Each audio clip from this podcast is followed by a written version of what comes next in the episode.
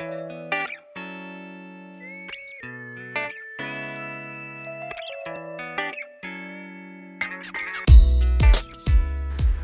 ve Mediapod sponsorluğunda Kalder Ankara Şubesi tarafından gerçekleşen Kalitecinin Sırt Çantası podcast serimize hoş geldiniz. Ben Gamze Baba Yiğit, Kalder Ankara Şubesi'nde proje ve gelişim sorumlusuyum. Kalitecinin sırt çantasında olmazsa olmaz yönetim kalitesi araçlarını her bölümde farklı bir konu ve konukla ele alıyoruz. Bu bölümümüzün konuğu da Kalder Ankara Şubesi Genel Sekreteri Sayın Senem Güner.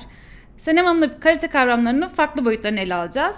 Senem Hanım hoş geldiniz. Hoş bulduk Gamze, teşekkür ederim. Senem Hanım'la yaklaşık iki yıldır birlikte çalışıyoruz. Ben sizi yakından tanıyorum ama tanımayan dinleyicilerimiz için kendinizden bahseder misiniz? Tabii Gamze, e, ben 2005 ODTÜ Sosyoloji mezunuyum.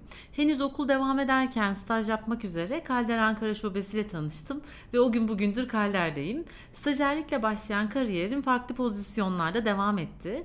Yaklaşık 18 yıldır Kalder ailesindeyim. 2018 yılından bu yana da genel sekreter olarak görev alıyorum. Kalder içindeki pek çok değerlendirme sürecinde değerlendiricilik tecrübem oldu. Kalite Çemberi ve Kaizen ödülleri, Türkiye Mükemmellik ödülleri ve son olarak da Türkiye Sürdürülebilir Gelecek ödüllerinde baş değerlendirici olarak gönüllü çalışmalarda da bulunmaktan keyif alıyorum. Birkaç e, program önce moderatör olarak senin koltuğundaydım. E, şimdi bu tarafta sohbeti e, sohbete beni davet ettiğiniz için ayrıca teşekkür ederim. Biz teşekkür ederiz. Ben direkt konuya girmek istiyorum. 18 yıldır Kalder'desiniz. En sık karşılaştığınızı düşündüğüm soruyla başlamak istiyorum. Kalite nedir? Kişiden kişiye ne olduğu değişir mi? Haklısın Gamze. E, bu sorunun farklı versiyonlarıyla karşılaşıyoruz. Derneğin adında da kalite olunca tabii bu soru çok kaçınılmaz oluyor. Elbette ben bir kalite gurusu değilim. E, ama bunca yıldır edindiğim tecrübelere, çok kıymetli eğitmenlerden dinlediklerime göre bir sentez yapabilirim şu anda. Kalite nedir sorun için. E, önce bir kitabi bilgiyle, e, bir tanımla başlayalım. Kalite bir ürün ya da hizmetin belirlenen gereksinimlerini, şartlarını veya beklentilerini ne derecede karşıladığı veya aşabildiğinin ölçütüdür. Ee, burada bana göre kritik kavramlar var. Bir aslında e, beklenen gereksinimler kavramı, e, diğeri de beklentiler ve bunların aşılma durumu tabii. Gereksinimleri müşteri belirleyebilir, ürünün standartları belirleyebilir ama beklenti çok soyut bir kavram. Yine müşteri işaret eder. E, bir de bu beklentinin karşılanması yetmiyor tabii günümüzde artık. E, aşılması gerekiyor. Bu ne demek aslında? Yani henüz müşterinin öyle bir algısı, bir beklentisi yokken isterlerde değişiklik yapmak. Yani bunun gibi bir örnek olabilir. Şimdi bir marka telaffuz edeceğim ama hani herkesin bildiği bir markadır. Biz bunu eğitimlerde özellikle çok kullanıyoruz. E, cep telefonu sektörünü domine eden ve yenilikleri başlatan iPhone. Yani müşterinin beklentisi aslında bir cep telefonundan, mobil bir telefondan yalnızca telefonla konuşmakken içinde kamerası olan, GPS ile olduğumuz yeri bize gösteren bir telefonumuz oldu. Bu beklentiyi yönetmek oluyor aslında. iPhone'un burada yaptığı bu. Şimdi biz de müşteri olarak tabii beklentilerimiz arttı e, yalnızca konuşabildiğimiz bir telefon artık bize kaliteli gelmeyecektir. Belki böyle biraz somutlayabilirim, e, bu şekilde örneklendirebilirim. Ama bir de dikkat edilecek bir nokta daha var. E, bu bazen karıştırıldığını düşünüyorum. Kalite bir ölçü birimi. Yani bir derece belirleme aracı.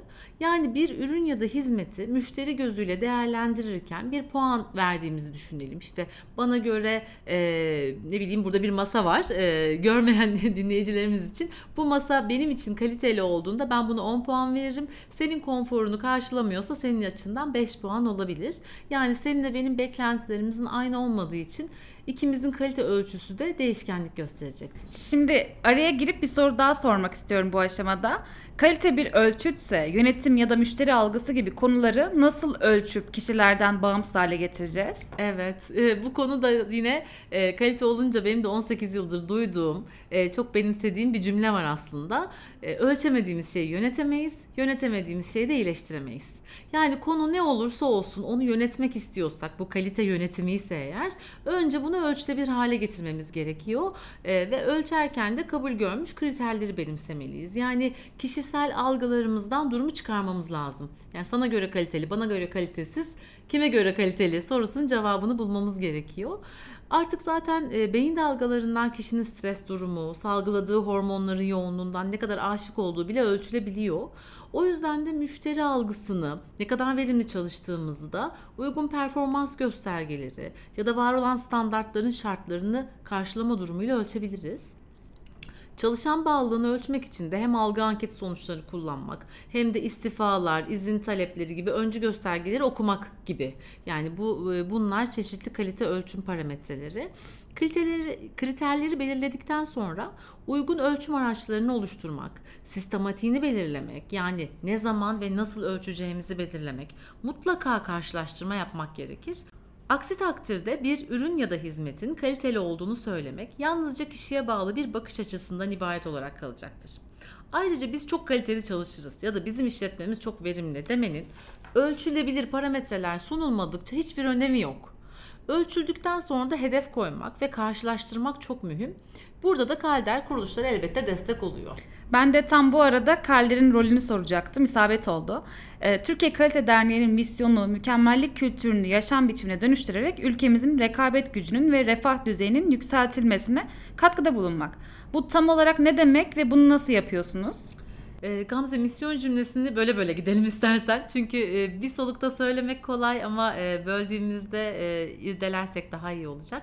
Mükemmellik kültürünü yaşam biçimine dönüştürmek demek aslında iyi ile yetinmeyip hep daha fazlası için çalışan bir kültür inşa etmek demek. Yani sürekli iyileştirme kültürünü kurum kültürü olarak benimseyen ve bu yönde çalışan ve paydaşlarını bu yönde vizyon çizen bir STK olma amacımız var. Ve işletmelere de aslında bunu öğretmeye çalışıyoruz. Ülkenin rekabet gücünün ve refah seviyesinde aslında kalite olgusunu ve yaşam kalitesini iyileştirerek artabileceğine inanıyoruz. Kalder olarak biz bunun yolunu kurumları daha iyi yönetilir, paydaş odaklı bir yaklaşım benimsemeleri olarak bulduk. Yani bizim yolumuz aslında kurumlardan geçiyor ve bu yönde eğitimler, rehberlik faaliyetleriyle kurumsal dönüşümü gerçekleştirmeye çalışıyoruz. İnsanların birbirinden öğrenebilecekleri ortamlar sunuyoruz ve iyi yönetilen kurumlarda mutlu çalışanlar yaratmayı hedefliyoruz. Elbette bunlar dile kolay. Ancak gerçekleşmesi o kadar da kolay değil. Alışkanlıkların, iş yapış şekillerinin değişmesi gerekiyor. Bunun için de objektif kriterler, iş modelleriyle kurumları yolda kalmalarına vesile oluyoruz diyelim. Peki metrikleri belirledik. Ürün ya da hizmetimizi ölçülebilir çerçeveye çektik ve kaliteli olduğunu standartlarla ispatladık. Peki ya sonrası? Kaliteli oldu mu her şey? Sonuna mı geldik? Devam var mı? Yani sürdürülebilir nasıl kılacağız kalitemizi? Son diye bir şey yok Gamze. Orada bir netleşelim. Sonunu düşünen kahraman olamaz. Kalitede böyle bir durum yok. E, son söylediğin aslında en kilit nokta. Sürdürülebilir nasıl kılacağız? Bu verimliliğimiz olabilir, müşteri ya da çalışan bağlılığı olabilir, finansal sürdürülebilirlik olabilir hiç fark etmez. Bir kurumun sürdürülebilir olması ya da kalitesinin sürdürülebilir olmasının yolu birkaç noktadan geçiyor. Bunların ilki az önce de söylediğim gibi kurumun kalite yönetim sistemi. Kalite standartlarının belirlenmesi, süreçlerin tanımlanması, kalite kontrollerinin yapılması ve sürekli iyileştirme faaliyetlerinin gerçekleşmesi gibi unsurları içeriyor. Bu sistem doğru bir şekilde uygulanırsa mış gibi yapılmazsa yani ve sürekli olarak gözden geçirilirse kalitenin de sürdürülebilirliğinin ilk ve en önemli adımı atılmış olur. Başka bir unsur da e, topyekun hareket etmek. Yani hep birlikte hareket etmek. Kalitenin devamlılığı yalnızca kalitecilerin işi değil. En yukarıdan en aşağıya her kademe çalışanın benimsemesi, içselleştirilmesi ve sürekli iyileştirme mantığıyla ele alması gereken bir iş yapış şekli olmalı. Ancak o zaman sürdürülebilirlikten bahsedebiliriz. E, belki daha çok fazla kavram sayabiliriz ama bunlar e, en kritik olanları diye düşünüyorum. Ee, Senem Hanım hep ürün ve hizmet kalitesinden bahsettik. Peki ya yaşam kalitesi? Az önce laf arasında da söylediniz. Bu bir hayal mi? Parayla ya da ekonomik parametrelerle doğru orantılı mıdır yoksa bana mı öyle geliyor? Sana öyle gelmiyor aslında. Ee, herkese de bazen öyle geliyor ama e, kalite pahalı olandır ya da pahalı olan kalitelidir anlayışının bir yansıması. Ama bu kez e, bu podcast'te bu algıyı kıracağımızı düşünüyorum. E, ne dersin? Umarım öyle olur. Şimdi en başta aslında kalitenin ne olduğunu söyledik. Yani tekrar edeyim aslında. Kalite kısaca müşteri beklentilerini karşılayan hatta aşan ürün ve hizmetlerin ölçüsüdür dedik. Sana kaliteli gelen benim beklentilerimi karşılamıyorsa benim için kaliteli olmayabilir. Burada hem fikiriz. Kalite soyut bir kavram. Şimdi yaşam kalitesi daha da soyut.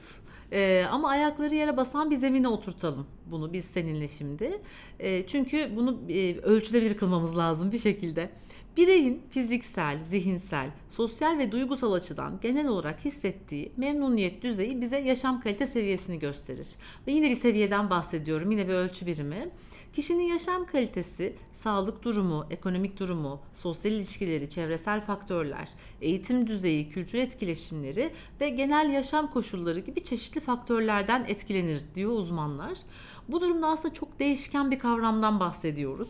Ancak bu ölçemeyeceğimiz ve iyileştiremeyeceğimiz anlamına gelmiyor. Ee, yaşam kalitesini etkileyen az önce saydığım 7 farklı kavram var. Bunlardan aslında hani somut olarak biri ekonomik durumu içeriyor. Ama tabii ki diyebiliriz ki e, burada işte sağlık durumunu ya da sosyal ilişkileri, çevresel faktörleri de ekonomik parametreler etkiler. Doğru. Ama her şeyi ekonomi etkiler dersek yaşam kalitesini de arttıramayız diyebiliriz. O yüzden ekonomi bunun bir boyutuymuş gibi düşünüp e, orada bıraksak güzel olur. Ölçmek istediğimizde ise yalnızca bir parametre yetmeyecek. Yani kalite olgusu gibi işte bir performans kriteri belirledim. Bununu ölçeyim demek yeterli olmayacağı için Burada insani gelişme endeksi, dünya mutluluk raporu sonuçları, sosyal gelişim endeksi, ülkedeki suç oranları, yaşanabilirlik endeksi puanı gibi çok farklı parametreler sonucunda ülkelerin yaşam kalitesi puanları ortaya çıkmakta aslında ve yalnızca ekonomik değil en çok da refahla bağlantılı olduğunu görüyoruz. Çünkü bunların bazılarını ekonomik durumlarla değiştiremeyiz. Refahta da bir yükselmeye ihtiyacımız var. Biraz uzun anlattım bu tarafı farkındayım ama çok kolay bir kavram değil. E, o yüzden de çoklu ölçümler gerektiriyor. Belki başka bir podcast'te yalnızca yaşam kalitesi üzerine odaklanılabilir. Peki. Ee, değerli dinleyiciler, Kalitecinin Sırt Çantası podcast serimizde bugün Karler Ankara Şubesi Genel Sekreteri Sayın Senem Güner'i ağırladık. Senem Hanım'la kalite nedir, nasıl ölçülür, Karler bunun neresinde ve en sonda yaşam kalitesi kavramını konuştuk. Ben kendisine çok teşekkür ederim. Diğer bölümlerimizde farklı konuk ve konularla sizlerle birlikte olacağız. Görüşmek üzere, sevgiyle kalın. Çok teşekkür ederim Gamze. Bugün bu tarafta olmak benim için de çok keyif vericiydi. Görüşmek üzere.